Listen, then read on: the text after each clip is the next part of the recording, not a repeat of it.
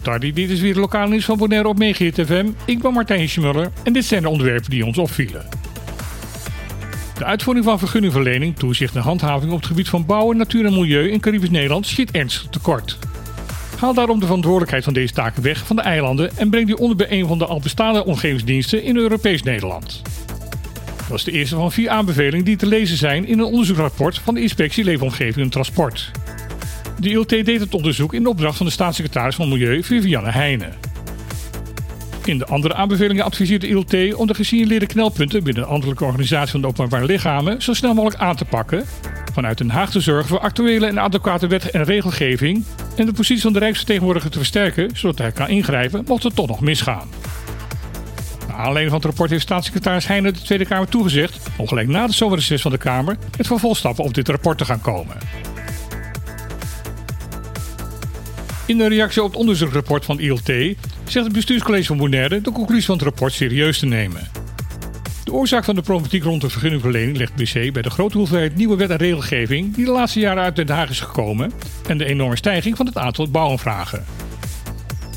Het BC wil de komende drie maanden de uitvoerbaarheid van de aanbevelingen van ILT gaan bekijken en van daaruit een stappenplan gaan uitwerken met een Caribisch perspectief en een lokale benadering. Het bestuurscollege van Saba zegt dat bij het verlenen van de vergunningen en toezicht en de handhaving erop hulp van specialisten van buitenaf van harte welkom is. Het BC ergert zich echter aan de harde toon die gevoerd wordt in de rapportage van ILT. Volgens de bestuurs van Saba strookt dit niet met de feitelijke situatie op het eiland. Volgens het BC waren de inspecteurs van ILT op dit gebied juist vol lof over Saba. Daarom wil de overheid van Saba in gesprek met het Rijk om de zienswijze van het Eilandsraad en het BC in dit opzicht naar voren te gaan brengen. Op Saba is na drie maanden een proefproject afgerond, waardoor patiënten met huidproblemen minder lang hoefden te wachten op medische behandeling en minder vaak doorverwezen hoefden te worden naar het ziekenhuis op Sint Maarten.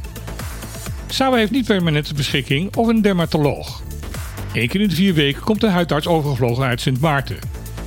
Daardoor liepen de wachttijden voor patiënten met huidproblemen enorm op en moesten regelmatig spoedgevallen met een vliegtuig naar Sint Maarten. Zorgorganisatie Sabacare denkt nu in samenwerking met de Rijksdienst ZJCN daar een oplossing voor gevonden te hebben. Daarvoor is er een online consultatiesysteem opgezet, waardoor huisartsen op Saba direct overleg kunnen plegen met een dermatoloog in Sint Maarten. Daarbij kan de dermatoloog aan de hand van foto's van de patiënt diagnose stellen. Het resultaat van de proef is dat de afgelopen drie maanden 29 digitale consulten zijn geweest. In 24 gevallen kon de dermatoloog gelijk na het consult een behandeling voorstellen. In vier gevallen moest de huisarts eerst een weefselmonster afnemen en opsturen naar Sint Maarten. Slechts in één geval was de doorverwijzing van de patiënt naar het ziekenhuis in Sint Maarten noodzakelijk. Na alleen van dit succes heeft ZJCN aangekondigd dat er nu ook dergelijke pilotprojecten opgezet gaan worden voor Sint-Eustatius en Bonaire. Al jaren wordt er gesproken dat de vliegverbindingen tussen de eilanden Sint-Eustatius en Saba met de andere eilanden frequenter en goedkoper zouden moeten. Vaak wordt daarbij gezegd dat deze verbindingen eigenlijk gezien zouden moeten worden als een soort openbaar vervoer.